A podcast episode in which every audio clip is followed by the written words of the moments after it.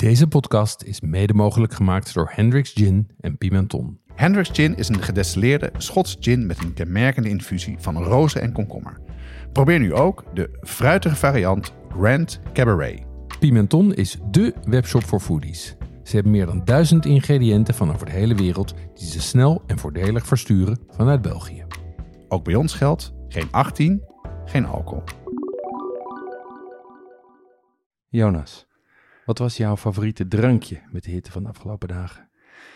Eh, ja, dat hangt een beetje af van welk moment van de dag. Eh, ik kan wel als het overdag is en het is echt zo ontzettend bloedheet en eh, op een terras neer gaan zitten en een koude cola bestellen met ijs. Dat vind ik toch e-, een van de allerlekkerste dingen. En datzelfde gevoel heb ik eigenlijk dan wat later op de dag. Is dan om echt een ultiem koud biertje te drinken. En dat is zo ontzettend doorslessend en, en heerlijk. En ook wel een beetje gevaarlijk. Maar, maar echt ijskoud? Ja, ijskoud. Ja, ja ijskoud. Lekker.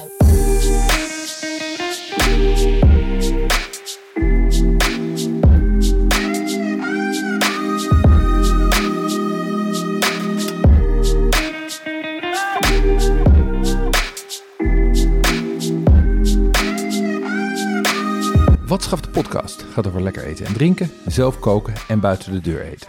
Het is voor iedereen, van de beginnende tot ervaren thuiskok. Alle recepten en tips uit de podcast staan in de show notes op watschaftepodcast.com. Op Instagram, Facebook en Twitter delen we doorlopend wat we koken en eten. Elke aflevering starten we met een drankje, dan bespreken we onze culinaire ervaringen en staat één onderwerp centraal. Deze aflevering gaat over Nikkei. En dit is denk ik de eerste aflevering waarin we moeten uitleggen wat Nikkei eigenlijk is. En Nikkei is de Japanse keuken buiten Japan, vooral in Peru, Peru en Brazilië. En het is een hele maximalistische keuken en misschien wel mijn favoriete keuken. Ja, ja, het is grappig, want ik heb je er vaak over gehoord. En uh, ik heb me al heel erg verheugd op deze aflevering om er meer over te weten. Uh, ga je zo allemaal uitgebreid uitleggen, maar vooral ook om het lekker op te eten. Want uh, we gaan het hebben over hoe Nikkei ontstaan is. Uh, bespreken een aantal typische gerechten van de Nikkei-keuken. Um, natuurlijk vertellen we aan het einde van de podcast ook waar je dat lekker kan eten in Nederland. En, en daar verheug ik me echt heel erg op. Katinka Dorero Lansink, die is half Peruaans en half Nederlands. En die deelt onze, jouw liefde voor Nikkei. En jij hebt haar gevraagd om samen met jou daar zo een lunch te gaan, uh, gaan maken. Ja, we hebben samen een menu gemaakt en uh, gaan dat straks bereiden en opeten. Dus het wordt misschien een wat andere aflevering. Uh, het drankje, dat gaan we zo overslaan, want dat gaan we tijdens het eten drinken. Dus dat hou je nog even voor mij geheim. en we gaan dus ook zo de keuken in. En dan zal, uh, gaan we ook aan Katinka een aantal vragen stellen over die keuken en de bereiding van dingen. Dus uh, ga er even lekker voor zitten en geniet van de masterclass van Jeroen over de Nikkei keuken. Jonas, we, hebben, we hebben net de zomerbreak achter de rug, dus ontzettend veel te vertellen. Um, wat waren jouw hoogtepunten? Nou, mijn hoogtepunt eigenlijk is dat ik op vakantie ben kunnen gaan. Dat, ja. dat moet ik wel zeggen. Überhaupt. Überhaupt, ja. ja. Ik had daar een hard hoofd in helemaal in het begin van, die, uh, van de coronacrisis. Maar, uh, dus wij hebben het heel voorzichtig gedaan. Uh, plekken geweest waar weinig mensen waren. Mm -hmm. Maar waar heel veel ruimte is om grote kampvuren te maken. Dus ik heb me helemaal uitgeleefd om te koken op een kampvuur. Leuk. ik had een, een kip, wilde ik een beetje asado-stijl gaan uitproberen. Ja. Hè, dus helemaal vlinderen en dan ja, op een soort van kruis ehm, naast het kampvuur zetten en een beetje daar zo in laten leunen. Ja, ja, ja, nou, dat uh, vertelde ik aan mijn zoon en zijn vriendje. En die hadden een heel ander idee, want die hadden net een magnetron uit elkaar gehaald en een motor erbij gepakt en Arduino meegenomen. Arduino een soort van minicomputer. Dus ze hadden eigenlijk bedacht om een soort van rotisserie te gaan programmeren. Oké. Okay. Twee dagen mee bezig geweest en toen brandde de motor door toen op het vuur ging. dus, uh, dus maar dat hebben we dus uh, met een grote wandelstok, want ja, een kip heeft best wel een grote opening, uh, op het vuur gedaan. In Ja. bloedhitte, moet ik wel zetten, zeggen. En ik kon er niet van afblijven. Alles draaien, vuur een beetje bij, ja, bij passen. Beetje tunen. ja, blokje hout zo erbij. geworden. Ja? Was een, en een gerookte kip. Ja. En een dus gewoon, ja, het was gewoon perfect eh, gegaard. Het was echt. En eh, ik had daar nog, eh, eh, ik had ontzettend veel dragon nog eh, thuis staan. Dus die hebben we snel, eh, heb ik een boter van gemaakt en meegenomen. En die hebben we er nog als laatste overheen gedaan. Nice. Met lekkere eh aardappeltjes uit de oven.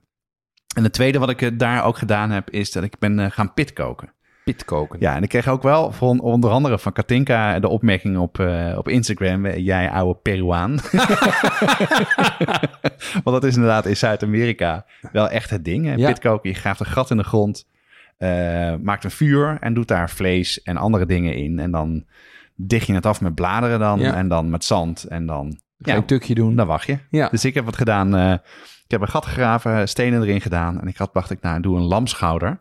Mhm. Eh, dat is dan wat, ja, wat taaier vlees, wat niet meteen uitdroogt als het te lang in de oven zit. Ja, super lekker lamschouder. Dus en ik had hem een soort aan, aan ingepakt. Eerst in papier en daarna in aluminiumfolie. Omdat ja, het gaat gewoon op de kolen. Ja. Dus ik denk, ja, dat moet toch even dat Ja. vocht vasthouden. Eh, stenen erop, een plank erop, eh, aarde erop, kruisje geslagen en gehopen, hopen dat het s'avonds Ja. ging lukken. Hoe lang heb je het laten zitten dan? Nou, ik denk, ik ben begonnen om een uurtje of tien 's ochtends en dan aten ik negen uur 's avonds. Dus het heeft die hele tijd erin gezeten. Ja. En vertellen, het was zo ontzettend lekker. Ja. Dit was echt een lamschouder, maar dan als een lamsbout. Zo mals, zo sappig en zo ontzettend lekker. Dus het was echt, eh, Cool. ja, de, de, ehm, dat is echt voor herhaling vatbaar. Je moet wel wat ruimte hebben dus. Ja.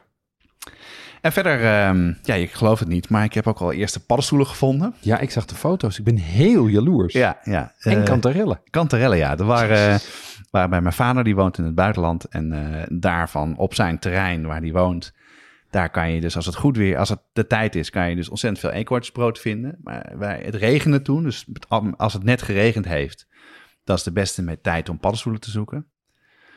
Dus we liepen zo door het bosje eh, naast hun huis. En toen zei de vriendin van mijn vader al van, oh, als dat al staat, dan zijn er ook kanterellen. Ik heb een plekje, loop maar mee. Kijk. Ja, en lekker jongen. En Ja? dat is, eh, ja. Beetje veel of... eh, Nee, nog niet veel. Maar er was stond eigenlijk bijna niks. Dus de Nee. volgende dag was het ook alweer weg. Het was nog te warm daarvoor. Ja, Maar het was perfect voor een lekker eh, omelet met kanterellen. Dus, lekker hoor. en in Nederland kastanjeboleten gevonden. Ja? Op, Op je vaste plekjes? op mijn vaste plekjes. Op Mhm. Terschelling heb ik ook eekhoornsbrood gevonden. Oh ja? enige nadeel was dat toen we dus het bos instapten om ze te, mee te nemen. Toen stapte ik waarschijnlijk in een soort van nest van, ehm, van teken. Bah. Dus eh, ik keek op mijn, ik had slippers aan, ik keek naar beneden, helemaal met zwarte puntjes erop. Oh, Toen damn. ben ik meteen dacht, nou ja, laat maar. Dus, eh, maar dat is, die, die groeien dus, eh, dus goed op de Schelling. Dus ik weet precies waar nu. Kijk, dan kunnen we een stipje erbij zetten op de geheime kaart. Exact. Ja. En jij? Ehm, ik ben, wij zijn naar Frankrijk geweest ehm, en daar zat ik aan de monding van de Gironde. Dus dat is zeg maar net boven Bordeaux.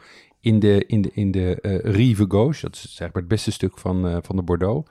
En daarbij eh, zijn we gaan eten bij Château Langebage. En Langebage is een van de grote châteaux in, in, in de Bordeaux. Château in de zin van restaurant? Wij- Wijn, Oh, wijn, wijnchâteau, wijn, ja. wijnchâteau, ja, Ja. ja. precies.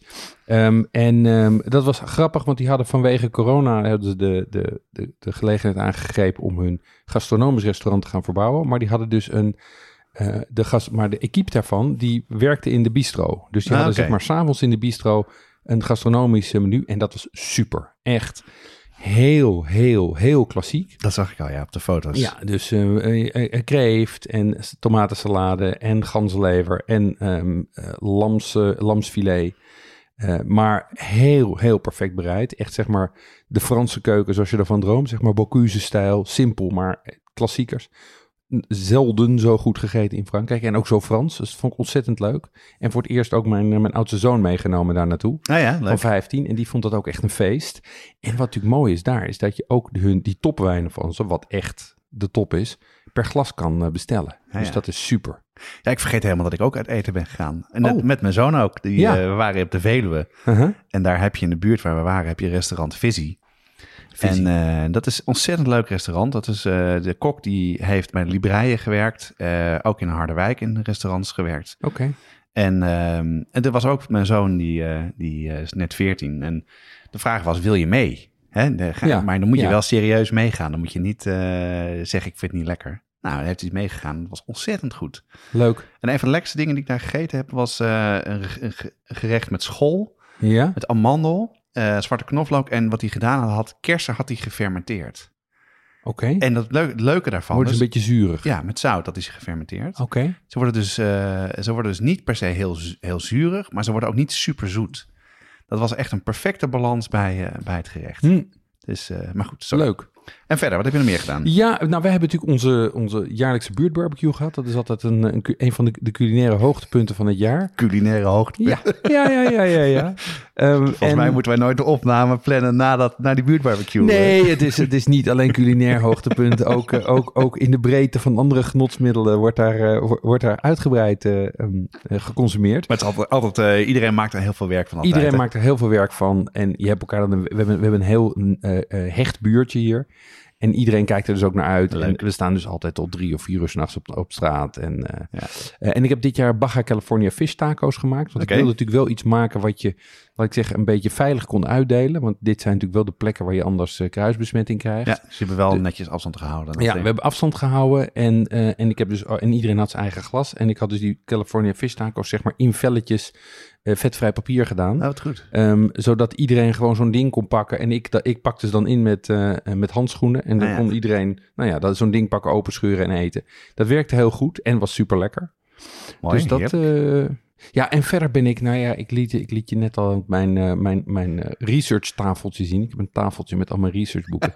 ik ben compleet losgegaan op nieuwe cocktail Ja, dus eh, de black holes zijn geopend bij jou. Oh, oh, het is echt... Ja, cocktails. Ja, Ja, ja. ja. En dan... Dat heeft een reden, hè? ja, we gaan, onze volgende aflevering gaat over cocktails. En, ehm, en ik ben daar helemaal ingedoken met de klassieke Amerikaanse cocktail en, en de, de nieuwe moderne stijlen en de tiki cocktail. En ik ben weer, ik, ik ben helemaal, eh, ik ben echt de rabbit hole in. Nee, dat vind ik leuk, want dat is, eh, daar hebben we het vaker over gehad. Om een aflevering te maken om die wereld van cocktails een beetje ja, eh, te openen, te schetsen. Ja. Hè, dat je wat verder kan dan de standaard dingen. Maar daar gaan we dus volgende, volgende aflevering gaat daar uitgebreid over. Dus Ja, gaan we hopelijk kan ik met de fiets naar waar we het gaan opnemen. Zeker.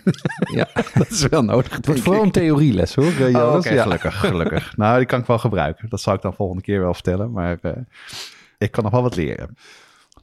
Jeroen, bij jullie thuis wordt toch veel hot sauce gegeten? Ja, dat klopt. Er staan eigenlijk altijd wel iets van vijf flesjes open. En elke paar weken is er eentje op. Dus dat gaat, eh, gaat behoorlijk hard. Maar waar, waar gebruik je het dan bij? Waar, waar, waar eet je het mee dan? Nou, mijn dochter houdt niet zo van heet eten, maar mijn jongste zoon juist wel. Ehm, eh, dus bij heel veel avondeten kiezen we dan zelf. Eh, Bij taco's, bij kip, bij gebakken rijst, dat soort dingen. Ehm, en overigens ook bij lunch- en ontbijtgerechten, tosties, gebakken eieren, pizza, alles. Pizza voor ontbijt. Slim, want dan kan je wel je eigen pittigheid bepalen. En pak je dan ook vaak de rijmakers, heetmakers sausen? ja, die zitten regelmatig in de roulatie. eh, juist ook omdat ze bijzondere smaken hebben en oplopen in pittigheid. Ja, en wat ik er zo leuk aan vind, ze zijn prachtig vormgegeven. Eh, hoe komen luisteraars aan deze flesjes? Ja, je vindt rijmakers, heetmakers op heatsupply.nl of vraag ernaar bij je delicatessenzaak. Goed, de Nikkei. Nou, ik ben echt, eh, ik, ik heb hier me echt al de hele vakantie op verheugd. Ik wist natuurlijk dat het ging gebeuren. Eh, want ja, jij weet dat mijn liefde voor de Japanse keuken is, eh, is groot. En jij hebt het hier vaak over. En je hebt ook wel eens dingen voor me gemaakt. En, dus ik ben er heel erg benieuwd naar. Dus laten we eerst eens eventjes hebben over waarom... Kijk, jij hebt het er vaak over, over Mhm. Nikkei. Maar als je dat met andere mensen bespreekt, dan denken ze... Huh, Nikkei, wat is dat? Ja. Hoe, hoe komt dat eigenlijk? Waarom is het nog... eh, waarom weten we eigenlijk nog zo weinig over? Nou ja, kijk, het is, ehm, waarom we er zo weinig over weten, is omdat het echt letterlijk ver van ons bed is. Ehm, en, waarom ik daar zo, zo dol op ben, is dat gaat eigenlijk terug naar de tijd dat ik als eh, student in de keuken werkte bij Pacific Century. Zo lang geleden al? Ja, ja, dat was eh 92. Ehm, toen, eh, toen studeerde ik en werkte ik daarna als eh, part-time baantje in een, in, een, in een restaurant. En tot mijn verbazing werd ik aangenomen als eh, hulpchef in een, in een vrij goed restaurant. Ja. Ehm, en daar hadden we een eh, Californische chefkok, Von Allen. En die heeft eerder heel veel bij Wolfgang Puck gewerkt. En Wolfgang Puck, die kan je onder andere kennen van Chinois en Spago. Dat zijn echt Californische restaurants met hele sterke, respectievelijk Aziatische en Latijns-Amerikaanse invloeden. Dus voor hem was het mengen van die smaken al heel voor de hand liggend. Ja. En dat is ook eigenlijk waar ik mijn nou ja, culinaire vorming heb gekregen. Wat lacht Dus, dus, eh, dat gaat er dus- veel langer terug dan ik dacht. Ja, dat gaat echt lang terug. Ja. En, en ehm, vervolgens werd ik door iemand getipt. Die zei, en toen heb ik in 2001, vrij kort na eh, 9-11, bij Nobu Next Door gegeten Ja. in eh, New York. En, en dat was echt een eye-opener voor me. Daar vielen ineens, zeg maar, al die, die basis die ik in 92 had gedaan, dat viel allemaal op zijn plek. Ja. Ehm, want dat had dat hele verfijnde en geserreerde van die Japanse keuken. maar dan vetter, zuurder en pittiger. Het is Ja. echt een hele, zeg maar, een, een vrij maximalistische variant van de Japanse keuken. Dus en wat bedoel je dan met maximalistisch? Dat zei je net ook ja, al. ma- maximalistisch betekent dat het niet gaat om, om subtiele smaken, om één subtiele smaak. Ja? wat, dat met, gaat- wat met sushi vaak dat Ja. klassiek Japans wel ja, is. precies. Want dan, dan concentreer je op zeg maar die specifieke kwaliteiten van de rijst en hoe die samenhangt Ja. met de vis. Ja, En, ma- en maximalistisch is dat het dus ook nog vet is en ook nog zuur is en ook nog pittig is. Dus het is echt, zeg maar, alle, alle registers tegelijk open. Dus het is wat dat betreft meer, ehm, wat op zeg je, maar in de Aziatische keuken heb je ook wel een beetje de balans tussen zoet, zuur, pittig. Dat is dan wat daar meer aan toe wordt ja, gevoegd. dat zit, dat zit er meer in. En, en maar dan is- op een andere plek van de wereld, toch? Ja, ja en het, is, het komt vooral uit, uit Peru en, eh, en Brazilië. Ja, ja, ja. ja. Ehm, en, eh, ehm, en, en het geeft dus een hele. Nou ja, ik vind het, ik vind het ontzettend lekker. En het is ook heel. Het, het maakt die Japanse keuken wat minder, wat minder subtiel en ook wat minder, nou, wat ik zeg, geserreerd. Ja. En veel, veel, veel, laat ik zeggen, gewoon lekkerder, vetter. Ja. Ja. Nou, eh, heerlijk. Ja, Nobu, heb jij, je hebt dit mij ook getipt. Want Ja. eh, een vriend van mij woont in New York. En toen zijn dochter geboren was, ben ik daar met mijn vrouw naartoe gegaan. En eh, toen waren we met z'n tweetjes. En toen, eh, toen heb het eerste wat ik gedaan heb, is bij Nobu gereserveerd. Ja. En, en dat was ontzettend lekker. En wat ik ook me goed kan herinneren, dat het echt een soort van stargazing is. Want wij zaten naast Elvis Costello Ja. met een veel te jonge, veel te mooie vriendin Ja. of vrouw of wat dan ook. Ja. Maar, maar dat was inderdaad heel erg lekker. En dat was inderdaad Japans, maar veel meer. Ja. En, ehm, maar goed, kan je, weet je, want jij zegt dat was voor jou een, goed, een moment dat, je, dat zo'n eye-opener was Ja. in, eh, in 2001. Maar weet je dan ook nog wat je gegeten hebt daar? Want dat Ja, weet ik dus niet meer. Ik, ik, ik had toen een omakase menu. Dus, eh, ik, en ik weet niet alle elf gangen meer die ik had. ja, ja. Ehm, maar wat ik me nog kan herinneren is onder andere een tartaar van, eh, van toro. Dus eh, de vette buik van tonijn. ehm, met een wasabi vinaigrette. En die werd zeg maar gekoeld op ijs geserveerd. Dus dat was al heel... ehm, eh, en, maar die vinaigrette erbij, die was dus al een beetje zuurig. Ja, dat is, dat nog... dat, dat is natuurlijk iets anders dan je in Japan Ja, zou hebben. Want precies. dan zou je alleen de toro hebben. Zou je met- alleen de toro Ja. met een beetje shoyu hebben. Maar hier kwam dus ook ineens die zure component erin. Ja. Daarna wat ik echt... En ik begin nu alweer te kwijlen als ik eraan denk. Het is de- een, een, een tempura van kreeft met een lemon spicy sauce. Ja, ik herken hem, want ik, Ja, heb, hem, ik- heb hem gemaakt laatst. Ja, Naar aanleiding dat- van de aflevering over kreeft. Die jij, eh, Ja, dat dat is staat zo'n... op de site, hè, bij ons. Ja, dat is zo'n fantastisch gerecht. Omdat dat dus die... Dat heeft dat, dat hele brosse en Ja, dat dat, dat subtiele van, van eh, kreeft tempura. Maar vervolgens gaat er gewoon een klets mayonaise met, eh, met limoen en, Ja. eh, en pittigheid overheen. ja. Ja, dat zou je in Japan nooit tegenkomen. Maar hier is het, dit vond, dat was echt een memorabel gerecht. Ehm, ik had ook een black cod met miso. En black cod, dat klinkt als eh cod, maar dat heeft eigenlijk niet zoveel met cod te maken. Kot Dat is kabeljauw, hè, bedoel je dan? ja, maar het is geen kabeljauw. Dit is, een, dit is een diepzeevis ehm, die veel vetter is. Oké. En die, eh, dat is een traditionele bereiding bij hem met, eh, met miso. Die dus als een miso pasta zeg maar erop wordt Ja, gesmeerd. dat is best klassiek Japans, is dat. Ja, dat is best klassiek Japans. Meestal met makreel dan, maar... Ja, en hier doen ze die dus met, met die black cod. Ja. Ehm, en bovendien, dat is dan wel ook weer heel Japans, is dat sushi daar vervolgens zeg maar als afsluiter komt. Dus dan heb je al je warme Ja. gerechten gehad en dan krijg je zeg maar nog om te vullen sushi. Ja. En dat is weer heel Japans. Ja, want, want, want je eindigt altijd een Japans menu met rijst. Ja. Voor als je nog honger hebt, dan kan je dat eh, aanvullen. Exact. Dus, dus, nou ja, en ik vond dat echt, ik vond dat echt een memorabele maaltijd. En ik, Wat eh, leuk, zeg. ja, Ja. een van de mooiste maaltijden denk ik ever, ooit. Ja, wat je net zei over California en, en jouw begintijd toen jij in het restaurant in Amsterdam kookte. eh, dat klinkt gewoon als fusion, toch? Is dat dan niet gewoon fusion? Is het niet gewoon combinatie ja, van die, die werelden aan, me- door elkaar heen gooien en daar dan nieuwe smaken van maken? Ja, kijk, dat is, fusion heeft natuurlijk een beetje een besmet, is een beetje besmet, hè? Ja, dat Eh, omdat, zeggen, het, omdat het heel vaak confusion wordt. Ja, en heel ingewikkeld, klein, kleine hapjes. ja, dat of, of, of, of gewoon verwarde smaken, zeg Ja. maar. Tom Picasso-achtige dingen. Maar, maar kijk, wat, eh, daar zitten twee aspecten aan. Het ene is dat of een bereiding fusion is of onderdeel van de traditionele keuken, is vooral een kwestie van tijd. Ja, dat is waar. Als je je bedenkt dat tomaten pas in de 17e eeuw onder zijn, onderdeel zijn geworden van de Italiaanse keuken. Ja. Er is niemand die tomaten in de Italiaanse keuken fusion zullen noemen. En datzelfde geldt voor tempura. Absoluut. Dat is in de 16e eeuw door de, door de Portugezen naar Japan gebracht. Dus, Ja, of ramen, wat, eh, wat uit China komt. Nou ja. Of eh gyoza's, wat ook uit China komt. en Dus dat- niemand noemt dat fusion. Dus, Nee. dus, daar Nee, is blijk- waar, ja. dus blijkbaar is de tijdfactor speelt een rol of iets fusion is of zeg maar versmelt, inge- culinair ingeburgerd raakt. En wat dan interessant is om je te realiseren, is dat Nikkei gaat al terug naar de 19e eeuw. Echt waar, dit, ja? is, ja, dit is niet een fad van, van een, een stargazing chef die ineens dacht ik ga leuke dingen combineren. Dit is gewoon, hier zit heel veel traditie in. Ehm, en, ehm, en daarmee zitten er ook vrij veel regels al in. En, maar hoezo dan? Hoezo gaat het dan terug tot de 19e eeuw? Hoe, wat, wat heeft Japan dan met, met Zuid-Amerika Ja. en dan Peru en Brazilië als bijzonder? Ja, ehm, eh, in de 19e eeuw eh, heeft eh, Japan, die kregen, kwamen een aantal soldaten kwamen terug uit een, uit een aantal aan de, de oorlogen die ze hadden gevochten. Ja. Ehm, en daar hadden ze eigenlijk geen plek meer voor. Dus toen zijn ze een actief emigratiebeleid gaan voeren. Typisch Japan. Typisch Japans. Ehm, en gewoon deals gemaakt met de Ah, ja. regeringen van Peru en Brazilië. Willen jullie die Japanners van ons hebben? Echt Zoals Australië ontstaan is vanuit Engeland. Ja, en die zijn gewoon, en die zijn dus, die zijn eh, eind, eh, eh, eind 19e eeuw, zijn die op de boot gezet. Grappig zeg. En Nou ja, vervolgens, en vervolgens zijn die, zijn, die, eh, eh, zijn die Isai, zoals ze heten, dat zijn de eerste generatie Japanners, die zijn kleine restaurantjes begonnen in Lima in het begin van de 20e eeuw. Peru dan. Maar het, met Ja, Peru, Peru. Is, daar er toch wat mee. Want we hebben ook een... Peru en Brazilië, dat zijn de twee grote eh, eh, hubs. Ja, ja, want je kan eh, ook, van wat mensen misschien nog weten, misschien wel weten, is dat Peru een president gehad heeft van Japanse afkomst. Ja, ja maar, de, maar de Japanners zijn sowieso nog heel aanwezig in, Ja, ja. in, in Peru. Ja. Grappig zeg. Ehm, en wat er gebeurde was dat die, dat die, die eh, Japanners daar, de, zeker de Isai, dat is de volgende generatie, die konden niet aan hun eh, specerijen en ingrediënten komen.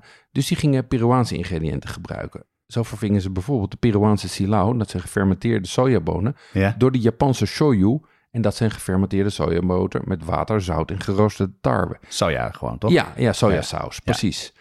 Ehm, en wat je dan ziet, is dat die, die generatie eh, eh, Japanners daar in, ehm, of die, die groep Japanners daar in Peru, die begon na de Tweede Wereldoorlog, begonnen die zeg maar te versnellen, waren die redelijk goed georganiseerd en die begonnen wat innovatieve conceptrestaurants neer te zetten. En dat is eigenlijk het moment waarop Nikkei echt als keuken is geboren. Grappig. Ehm, Dat is en nog best wel vroeg eigenlijk. ja, want het eerste, precies, want het eerste Nikkei-restaurant is dus in 1959 al dat was- geopend oh, nee, in Lima. Ik had echt verwacht dat het veel eerder was, maar oké. In Lima, in Peru. In Lima, in Peru. Ja. En, en hij gebruikte bijvoorbeeld al een miso en shoyu in, in Peruaanse gerechten, dus sojasaus. Ja? En hij is de, de, de, de Die chef. chef, Ja? precies. Ehm, eh, maar hij maakte ook eh, tempura en bijvoorbeeld sashimi en ceviche on the spot. Terwijl tot dan toe ceviche heel vaak soort van urenlang had gelegen in, Ja, het, in het zuur. ja. Hij was degene die daar zeg maar alle minuut bereidingen van Ja, maakte. dus sashimi-achtig. Ja, maar dan wordt dus echt een crossover tussen een, een ceviche en een sashimi. De meeste ceviche die wij nu eten, dat zijn veel meer, zeg maar, eh eh Nikkei eh, ceviches. Namelijk heel kort in het zuur gelegen. Ja, ja, ja. Dan wat je traditioneel, want traditioneel iets om 2, 3, 4, 5 uur in het zuur liggen. Ja. dan krijg je een soort van zure haring in plaats van dat veel subtielere eh, wat je nu krijgt. Ja, want heel, heel kort voor de mensen die niet weten wat ceviche is. Even heel kort uit. Ja, ce- ceviche is, eh, is dun gesneden, of eh, is, is gesneden eh, eh, vis, meestal witte vis. Die wordt gegaard in limoensap. Ja, en, en eh, dus limoen, het zuren van limoen eh, brengt een garingsproces bij de vis op Precies, gang. Ja, ja. dus je moet maar eens proberen, als je meloen, eh, citroen over een vis doet, dan zie je het witter worden. En Ja. dan zie je dus alsof je het in een pan gooit. Ja, precies. Nou ja, precies. ja. Maar goed, dat is dus dat is dan in 1959 in Lima, Peru ontstaan. Maar het is, Peru is niet was zeker toen niet echt een toeristische bestemming. Nee.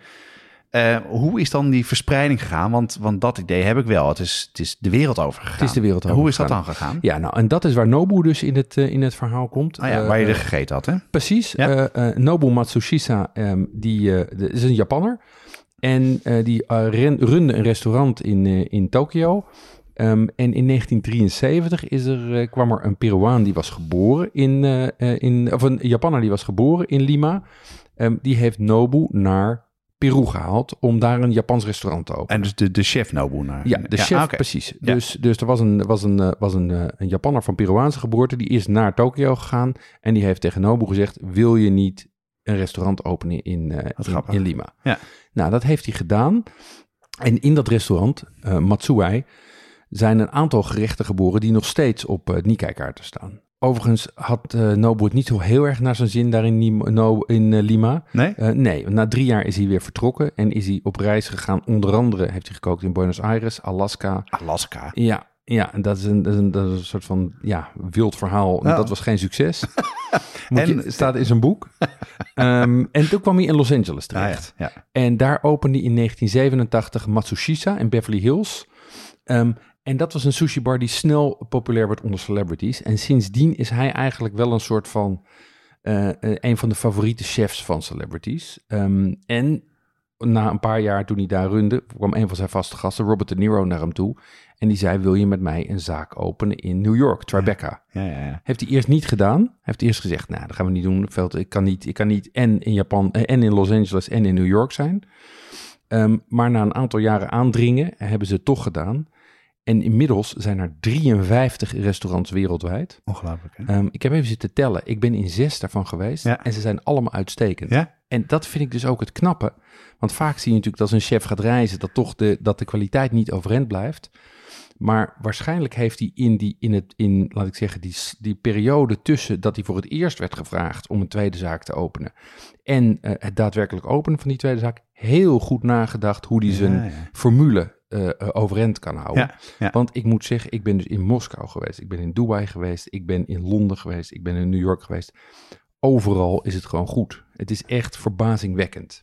En, en wat, wat, wat wel interessant is, is dat Nobu heeft wel gezegd dat eigenlijk een beetje zoals bij mij, die negen maanden in Pacific Century bepalend zijn geweest voor mijn culinaire keuken, eh, cu- culinaire ontwikkeling, zeg Ja. maar, heeft Nobu gezegd dat zijn tijd in Peru alles bepalend is geweest voor de rest van zijn Dat vind carrière. Dat vind ik toch zo, zo, zo eh, bijzonder eigenlijk. Ja. Hè? Want het is natuurlijk, als je het hebt over een, eh, een Japanner en een Japanse chef... en die hele cultuur in Japan met eten en leren koken... is echt, echt eeuwoud. Ja, traditie, Heel traditie, veel traditie. traditie. En, en wat mensen waarschijnlijk wel weten... is dat het, de, de, het zit hem in de kleine details... om het alles het allerbeste te doen, het beste te Ja. snijden... de beste ingrediënten hebben. En terwijl dan, eh, dat toch Peru ehm, zo bepalend geweest is. En wat is daar dan zo belangrijk voor hem geweest? Weet je dat toevallig? Nou, wat, waar, het, waar het mee te maken had, was onder andere beschikbaarheid van uitstekende eh, eh, verse vis. Ja, ja. Peru zit natuurlijk aan, aan, de Atlantische, aan de Pacifische Oceaan en aan een diep stuk. Dus Ja. er is heel veel verse vis. Ehm, maar er zijn daar ook überhaupt de- het aanbod van, van verse ingrediënten is gewoon heel goed daar. Ja.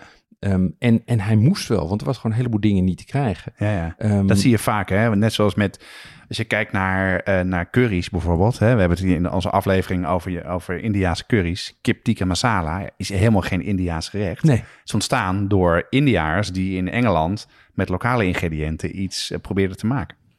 Maar goed, dus Nobu is heel belangrijk geweest in eh, ja, de, de evangelie van de Nikkei.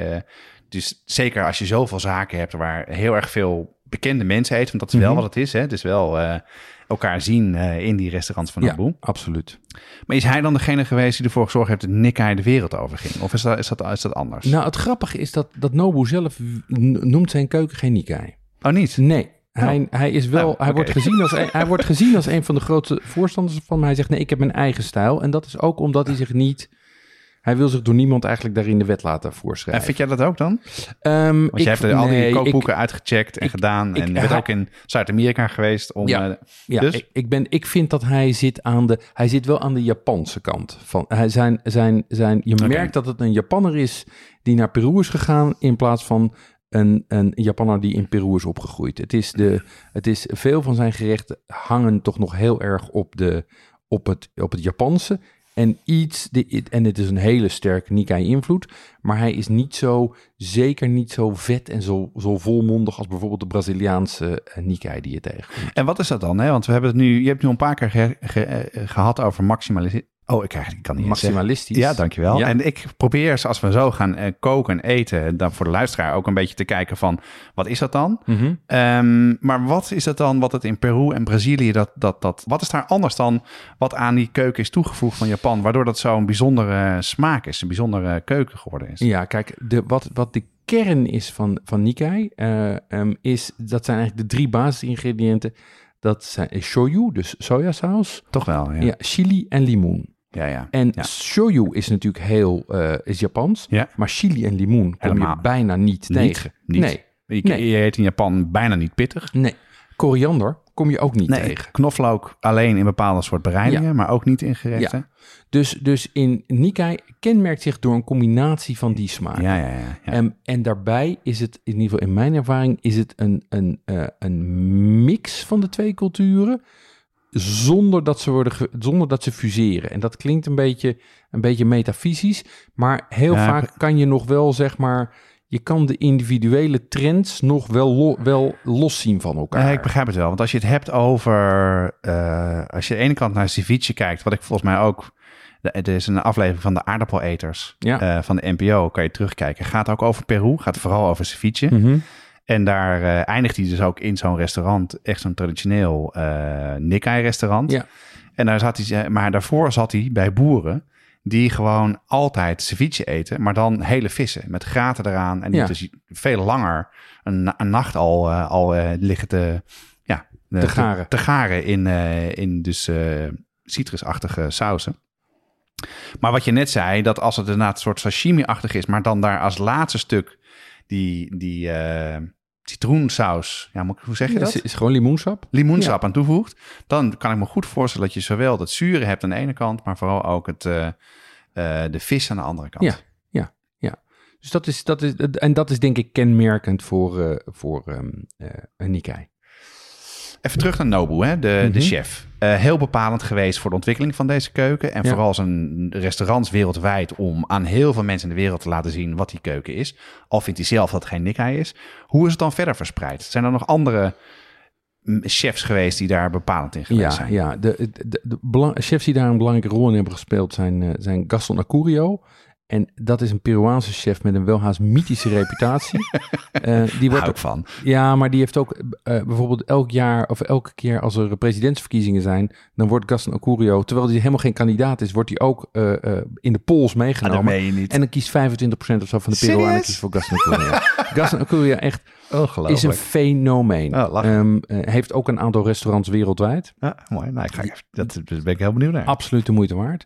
Ehm, maar die organiseert sinds 2008 Mistura, een een menging. Eh, en dat is een foodie festival in Lima. En dat is, daar komen heel veel internationale chefs naartoe. Eh, zo kwam bijvoorbeeld in 2011 kwam Ferran Adria, de chef van El Bulli, Kennen wij wel, voor ja. het eerst naar Mistura. En die kwam daar in aanraking met de Nikkei-keuken. En Ja. die heeft het naar Europa gebracht. En eh, hij heeft in Barcelona inmiddels een restaurant gedaan, Pacta. Dus het is heel erg, de, chef, de grote chefs zijn er eh, eh, mee aan de haal gegaan. Ja? Ehm, en, en inmiddels is er in, ehm, eh, eh, twee, sinds 2017 heb je ook gochiso. En dat betekent feest of banket in het Japans.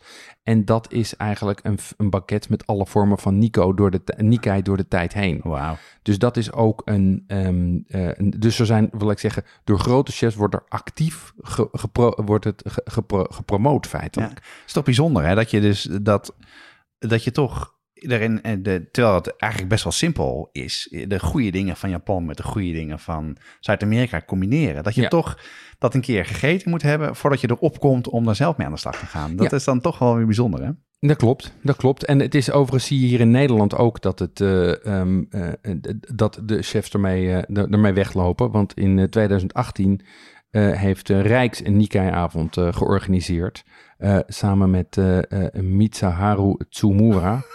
Die, eh, die het een van de beste, resto- een van de beste eh, restaurant, Nikkei-restaurants ter wereld heeft, Ja. Maido. Ja. Ehm, Ben je en, gegeten eh, of niet? Nee, ben ik niet geweest. Nee. Nee, nee, helaas. Nou, het is denk ik de hoogste tijd om niet alleen maar te hebben over de Nikkei-keuken, maar om ook te gaan eten. Dus ehm, je hebt het, naast dat je helemaal die, die geschiedenis ingedoken bent, heb je ook heel veel kookboeken doorgenomen. En heb je met Katinka samen een menu gemaakt. Eh, wat gaan we zo maken en eten?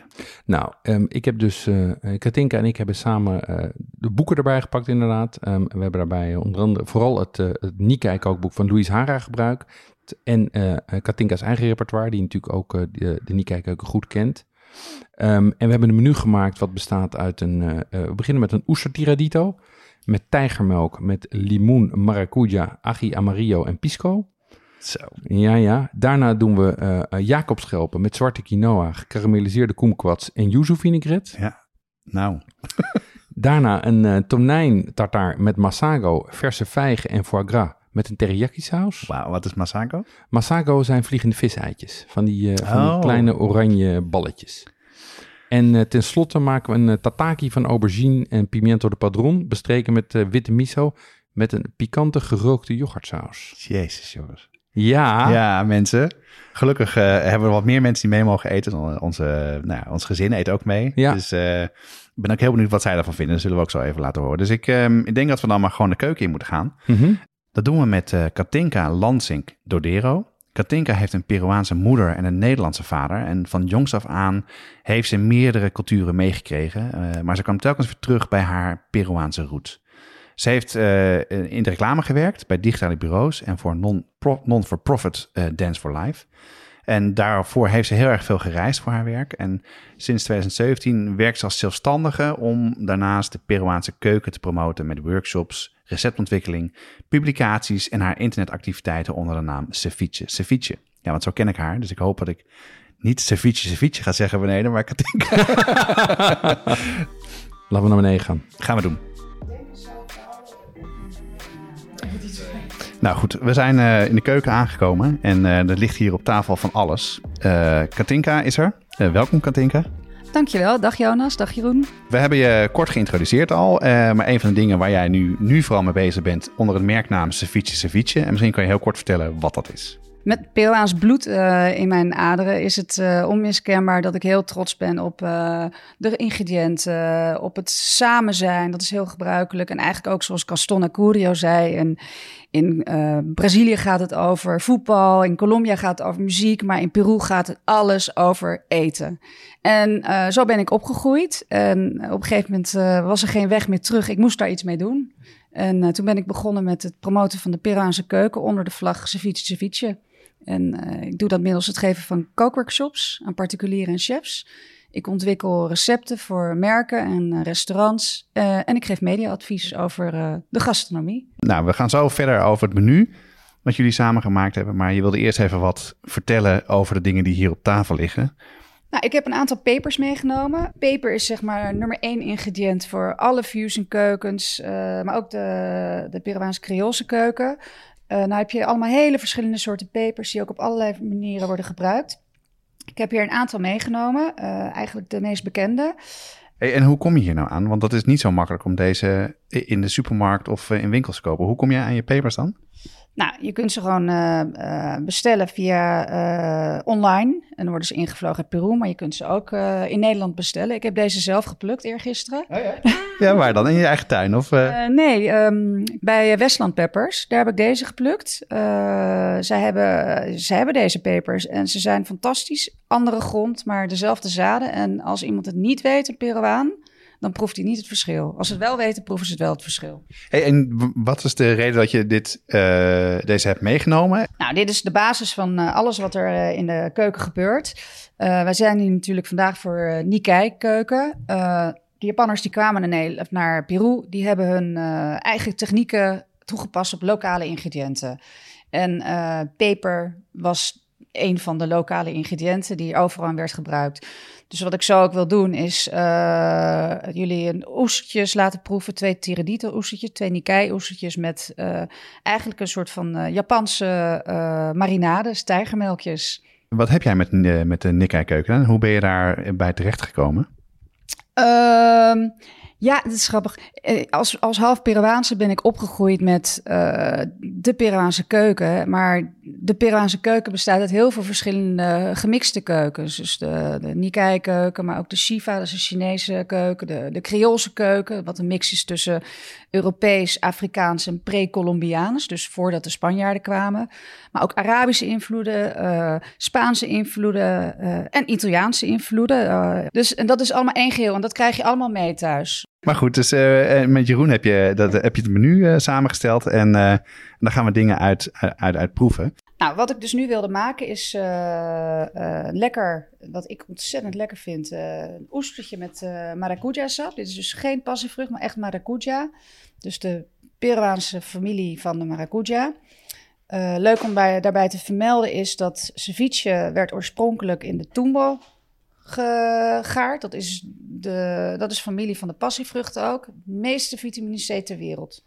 En uh, dat is de oorspronkelijke garingstechniek, want de Spanjaarden brachten citrusvruchten mee. Nou, dus uh, wat we gaan maken is een mixje met uh, marinade van passievrucht, de gele peper, heel klein beetje limoen, heel klein beetje pisco quebranta, dat is even van één druif. En een korianderblaadje erop. En ik heb een uh, toegifje meegenomen, of ik moet zeggen een, een, een, een startgifje, want dat vind ik leuk. Namelijk echt uh, wat, wat altijd in de Nikkei-keuken de drie basisingrediënten eigenlijk zijn, is de shoyu, dus de sojasaus, de gele peper en limoen. En daar ga ik ook een tijgermelkje mee maken. En ja, ik heb meer oesters meegenomen. Ik hoop niet dat jullie het erg vinden. Hey, en dan leg mij eens uit wat tijgermelk is. Ik, ik hoor er vaak over, maar weet eigenlijk niet precies wat dat is. Tijgermelk is de marinade waarin de vis gaart. Heel goed. Nou, ik zou zeggen, uh, twee soorten oesters. Ik ben helemaal prima. Wat jij, Jeroen? Ja, uh, bring it on. nou, Katinka doet haar handschoen aan en gaat beginnen om de oesters te openen. En um, nou, ik kan eigenlijk niet wachten. de oesters worden erbij gehaald.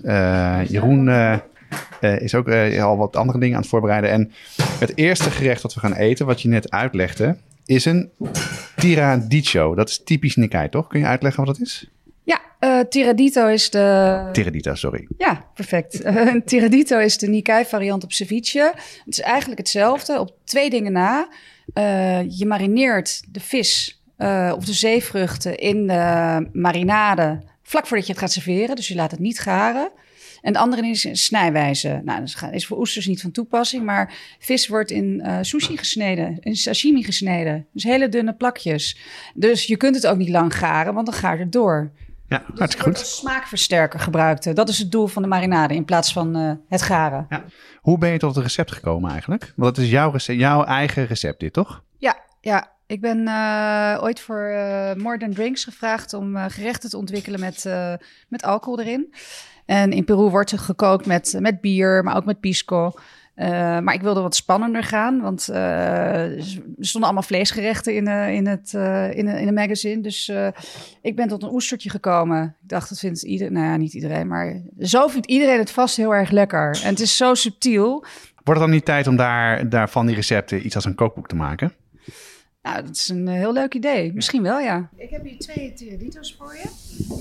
Uh, dit zijn twee oestertjes dus. En uh, je kunt ze gewoon naar binnen slurpen als je meer wilt. Het is heel gezond, uh, die marinade.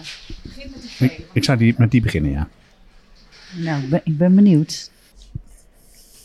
Mm. Oh, dat is heel lekker.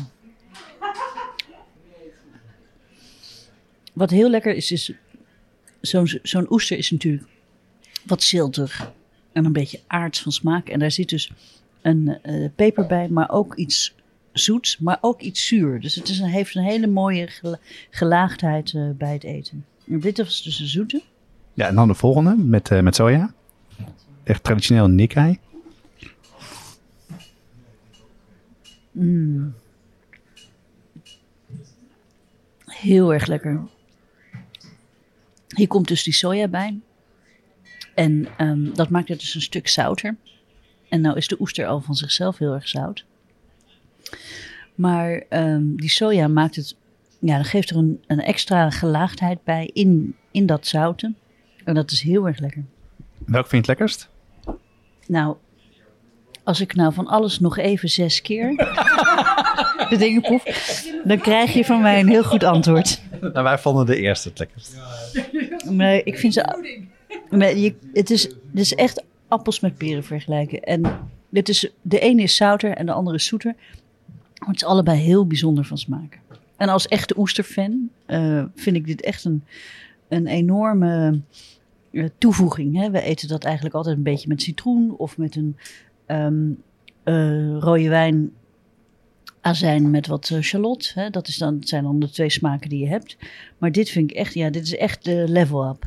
Uh, Katinka, jij bent nu bezig met het volgende gerecht. Dat zijn uh, de coquilles met quinoa, gekarameliseerde kumquats en yuzu vinaigrette. Hoe maak je dat? Je maakt de quinoa, die kook je en die mix je met allemaal verse kruidjes. En dat noemt, uh, noemen ze in dit boek taboulet, maar dat woord kennen we in Peru niet. Het is gewoon quinoa met kruidjes. Ehm, nou, karamel- karamelliseer je de kumquats. Dat is een eh, typisch zuurfruitje wat, eh, wat veel gebruikt wordt in eh, Peru met eh, de pistachenoten zonder velletje. En dan krijg je een heerlijke karamel die je ook over desserts kan gebruiken. En dan heb je de, de yuzu saus. En dat is ook eigenlijk een soort tijgermelkje.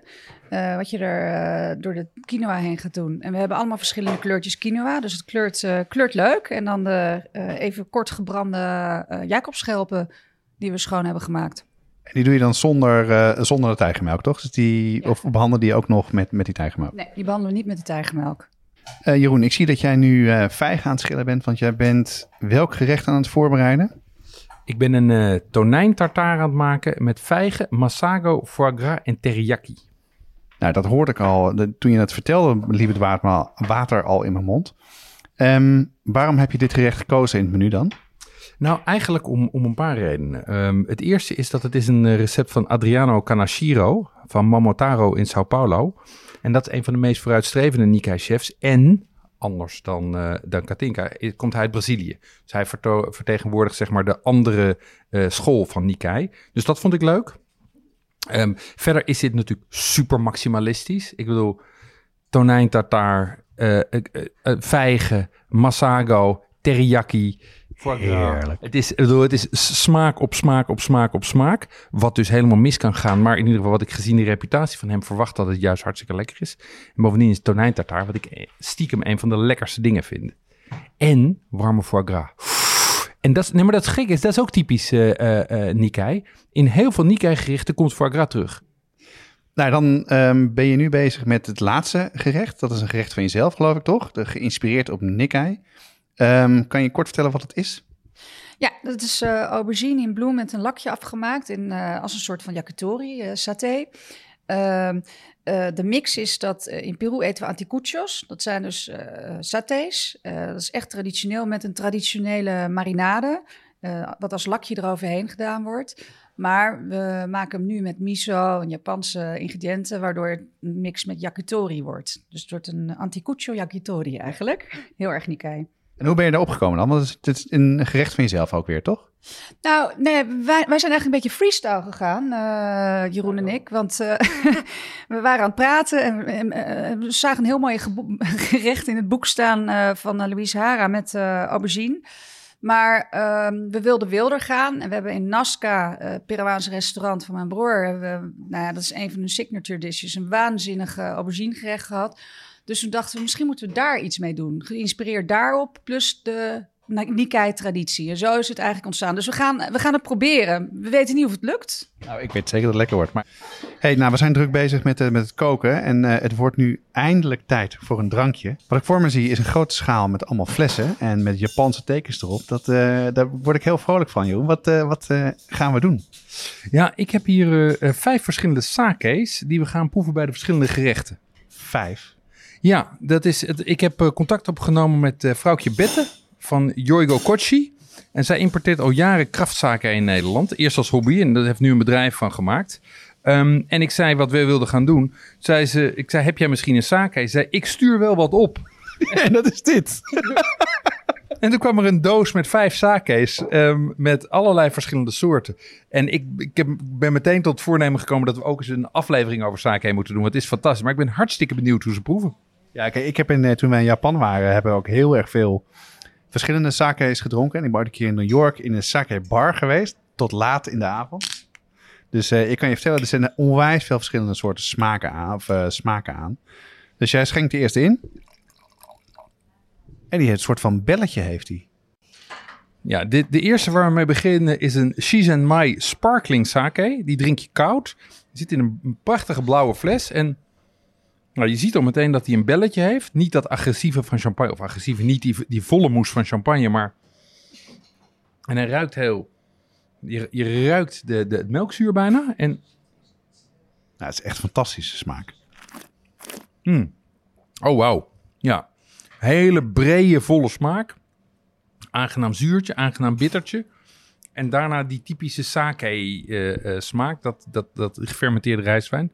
Ja, erg lekker. Een beetje, een beetje champagneachtig dit. Uitstekend aperitiefje, denk ik. Ja, en een beetje fris. En, ehm, en, en lekker dat het koud is. En deze had je bedacht bij, ehm, bij de oester, toch? Ik had nog helemaal niks bedacht. Ik, eh, nee, ik was, ik, was volledig, ik was volledig out of my league met, met al die flessen en die namen. Dus ik dacht, we gaan gewoon... Ik heb een beetje op volgorde gezet naar wat ik denk dat de, de opbouw zou moeten zijn. Ik ga het gewoon proeven en daarna gaan we straks verzinnen wat waarbij gaat. Ja, Ik vind deze echt heel bijzonder. Ja, de volgende. Nummer twee, toch? dit is de Niida Shizenzu. Hi. Het is ook een, eh, een koude sake. Die vorige was cloudy, deze niet. Ehm, ik ben heel benieuwd. Nou, Jeroen schenkt het weer in. Het is een hele mooie groene fles. Ja, dus heeft een soort van witte wijnkleur, heeft deze. Beetje een soort eh, lichte witte wijn. Ja, het is een lichte witte wijn en hij ruikt, al, hij ruikt heel anders dan die vorige. Nou, veel meer naar sake, toch? Veel meer wat je klassiek verwacht van sake. Maar wel subtiel, heel bloemig. Jezus, wat lekker zeg. Oh ja, lekker. Heel lekker. Licht zoetje. Ehm, en veel... eh, hij, is, hij is minder... heeft minder zuur, minder bitter. Die andere, dat zei Carolien goed, heeft er een beetje een ziltje. En dat heeft deze niet, maar... Ja, maar die past dus echt heel goed bij het oestergerecht. En deze past bij het gerecht met de foie gras en de tonijn. Want hij een soort van hele romige aftronk heeft hij. Ja, dat ben ik met je eens. En, en dit is wel wat je klassiek verwacht zeg maar, van een koude sake.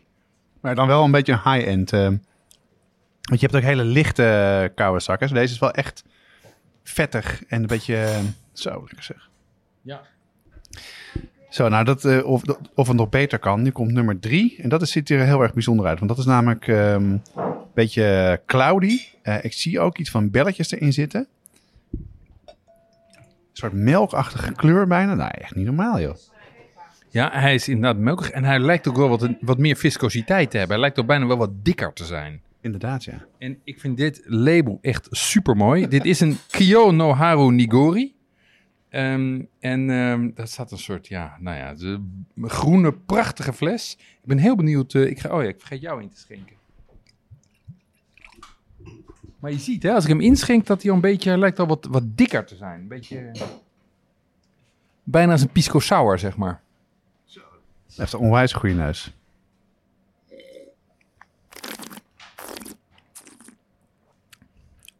Oh ja, oeh, dat is een bek vol zeg.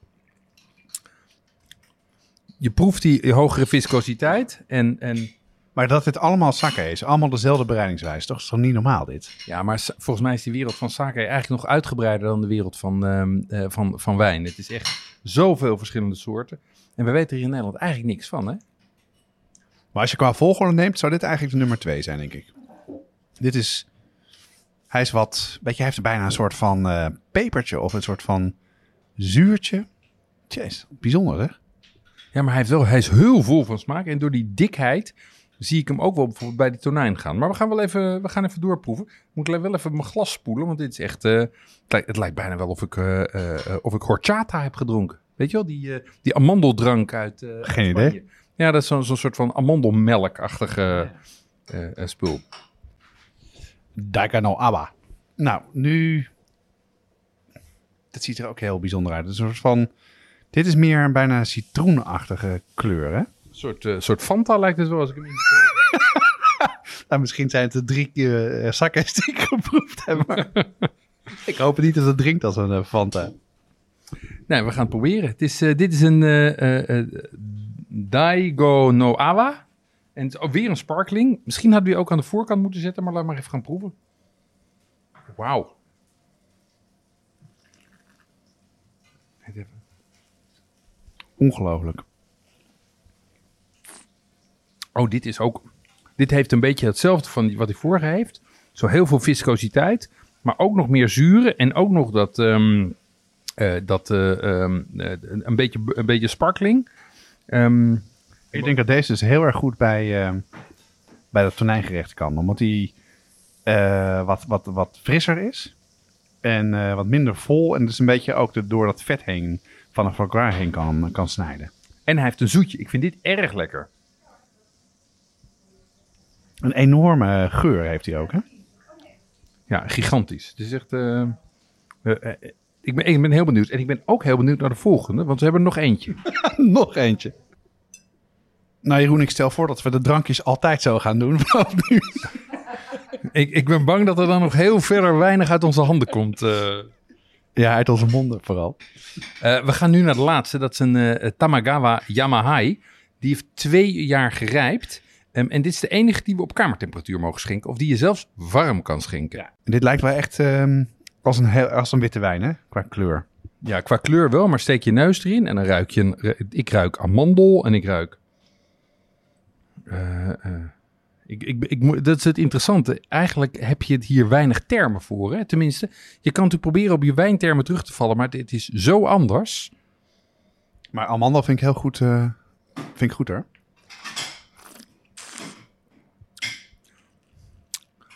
Erg lekker, heel vol. Ook subtieler en klassieker. Minder ruig dan die, ehm eh, dan die die we net proefden.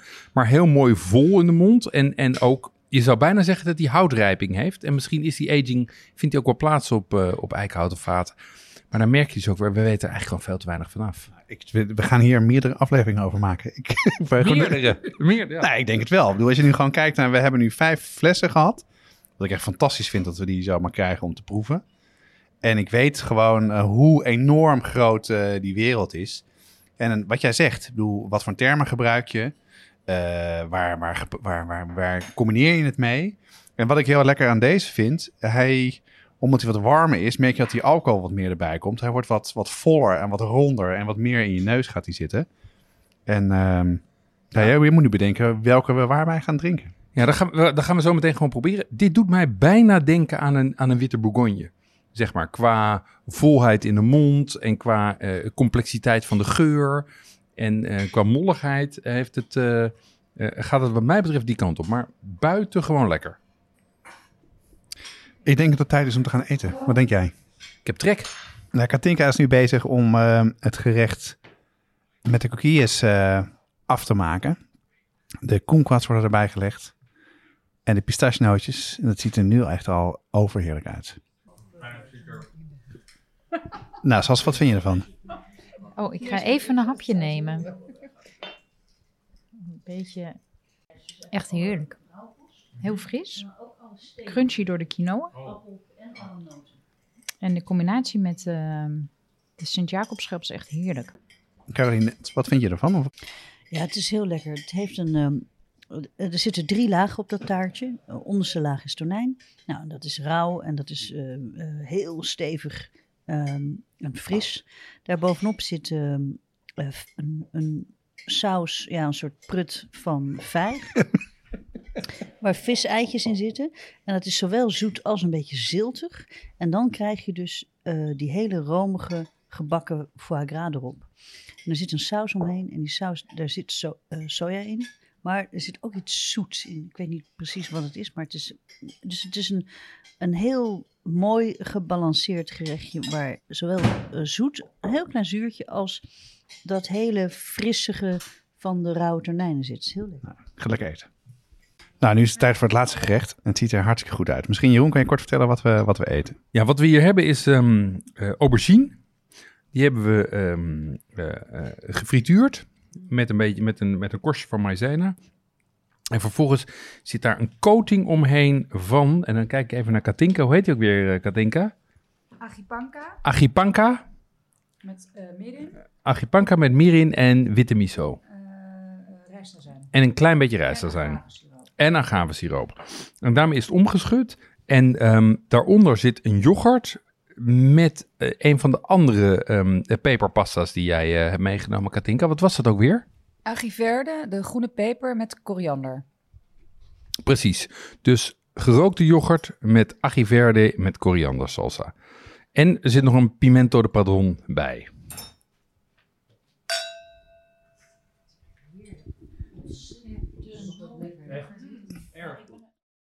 Zo, nou Jeroen, heerlijk. En, eh, en dan kunnen, kunnen we ook de, uh, de Sakai-proeverij niet onvermeld uh, laten blijven. Want die waren ook echt fantastisch.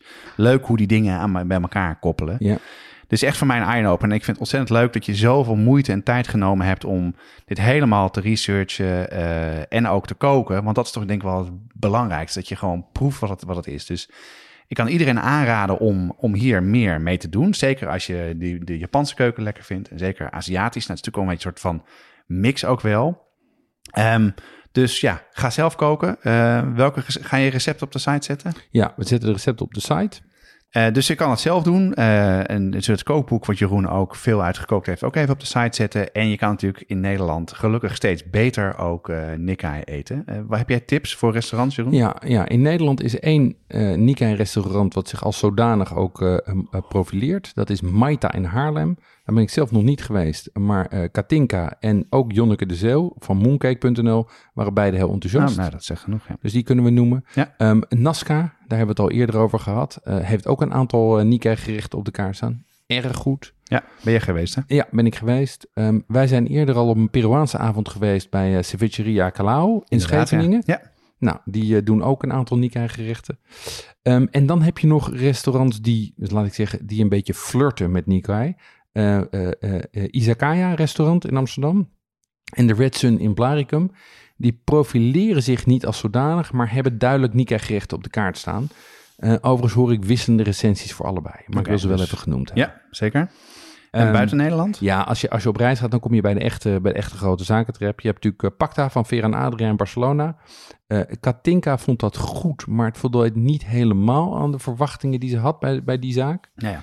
Um, nou, Nobu zit natuurlijk op 53 locaties, maar in binnen Europa in ieder geval uh, Londen, uh, Ibiza, Milaan. Ja. Um, ik vind uh, Nobu Next Door in Tribeca leuk. Dat is voor de oorspronkelijke ervaring. Um, maar Nobu in, op 50, dat is heel goed voor stargazing. Want de keren dat ik daar was, zat er onder andere George Clooney. Ja, ja. dus dat is een aanrader. En mocht je voor weinig Nobu leiden, dan moet je naar Moskou. Want dat is echt heel, daar kan je heel voordelig uh, uh, Nobu en goed eten. Ja. En tenslotte, mocht je, in, mocht je toch in New York zijn, dan moet je zeker Sensacana niet laten gaan. Dat is buiten uh, Lima denk ik wel een van de beste Nikkei-restaurants in de wereld. Ja. Ik hoop dat we snel weer, weer normaler kunnen reizen, want het water loopt me in de mond. En ik ga Nobu zeker nog een keer uitproberen, zeker als ik in Londen ben. dan is het tijd voor ons vaste item aan het einde van de podcast. Dat is het vegetarisch repertoire. Um, wat wil je daaraan toevoegen? Nou, daar zetten we gewoon op uh, de tataki van aubergines en pimiento de padron, die we vandaag hebben gegeten, bestreken met witte miso met de pikant gerookte yoghurtsaus. Uh, deze was denk ik erg lekker. En als je het voorbereidt, hoef je, hoeft het niet zo heel veel gedoe te zijn. Ja, ja. Dus, en wat moet je voorbereiden dan? Nou, het? het gaat er vooral om dat je die yoghurt even rookt. Um, uh, uh, en dat je de um, en, en of dat je de aubergines voorgaart. Ja, ja, ja. Nou goed, zeker voor als je een keer wat meer tijd hebt en uh, je wil uh, deze keuken uitproberen, is het een ontzettend goed gerecht om te beginnen, toch? Ja, en, en vegetarisch. En vegetarisch. Ja. En uh, we zeiden al aan het begin dat jij in de cocktailboeken gedoken bent. Ik heb me ook een aantal cocktails ben ik zelf ook gaan maken met wisselend succes. en daar gaan we het volgende keer uitgebreid over hebben. En dat vind ik heel leuk. We gaan met Timo Jansen en Tess Postumus, die je misschien kennen van uh, hun uh, cocktailbar Flying Dutchman Cocktails in Amsterdam. En net een nieuwe um, Jenever bar, ja. Dutch Courage. zij gaan ons ja, cocktails laten proeven, dingen uitleggen. Jij hebt er heel erg in verdiept. En nou, ik ga daar ook net zoals nu onwijs veel van leren en ook lekker proeven. Dus daar kijk ik heel erg naar uit. Ja, heb ik ook zin in. Deze podcast wordt gemaakt door Jonas Nouwen en mijzelf Jeroen Doucet. Reacties kun je sturen naar jeroen.watschaftepodcast.com of jonas.watschaftepodcast.com of je stuurt een DM via Instagram, Facebook of Twitter. Ja, help ons uh, de podcast ook uh, te laten groeien door het door te sturen naar in ieder geval één iemand waarvan je zeker weet dat hij van eten en lekker drinken houdt. Is hij nou niet bekend met podcast? Leg dan even uit hoe het werkt of stuur ze naar Spotify, want dat is echt super simpel. En mocht je uh, een review willen achterlaten, dan doe je ons een heel groot plezier mee. Doe dat op Apple Podcast. Hebben we nog leuke reacties gehad? Ja, we hebben een, we hebben een hele leuke reactie gehad via de mail. Uh, Rob Kamp die mailde: Sinds kort ben ik jullie podcast gaan luisteren en ik doe dit meestal tijdens het uitlaten van de hond. Superleuk om jullie te horen vertellen over jullie eigen ervaringen en probeersels. Volg ook diverse kookprogramma's op Netflix en daarnaast nog wat andere podcasts, dus ik heb wat vergelijkingsmateriaal. Het originele zit hem in het feit dat jullie het doen vanuit liefhebberij en niet uit professionaliteit. Gewoon trial and error en ook, hier, en ook eerlijk zijn over bepaalde onzekerheden en mislukkingen. Dat maakt het zeer toegankelijk en voor mij ook vermakelijk om naar te luisteren. Daarnaast zit de podcast technisch goed in elkaar, iets wat voor mij altijd de eerste afknapper is. Duidelijk verstaanbaar en vooral niet te druk. Dan de aflevering met Kees Holkamp. Ja, met Kees. Wat een droomgast voor jullie podcast. Kees vroeg zich af of de podcast niet te lang is geworden voor de luisteraar. Nou, voor mij niet. Het had nog wel een uur langer mogen duren. Dat had de hond ook niet zo erg gevonden. Ik had wel eens van de naam gehoord, maar eerlijk gezegd was dat het wel. Ik ga nu zeker ook FoodTube regelmatig bezoeken en op de diverse social media kanalen volgen. Hebben ze er weer een volger bij. Jullie trouwens ook. Nou, hartstikke leuk. Dankjewel uh, Rob. En wat leuk is, uh, sinds we de aflevering met Holtman gemaakt hebben, uh, is er op FoodTube een nieuwe video bijgekomen. Hè? En die gaat over het frambozentaart. Ja, dat is zo ja. leuk. Dus die zullen we aan de site toevoegen. En, uh, en ja, voor meer luisteraars uh, hebben ons laten weten en Kees laten weten. Kees, had nog langer gemogen. We hebben ervan genoten. Dus dat was echt een top aflevering. Tot de volgende keer. Tot de volgende keer.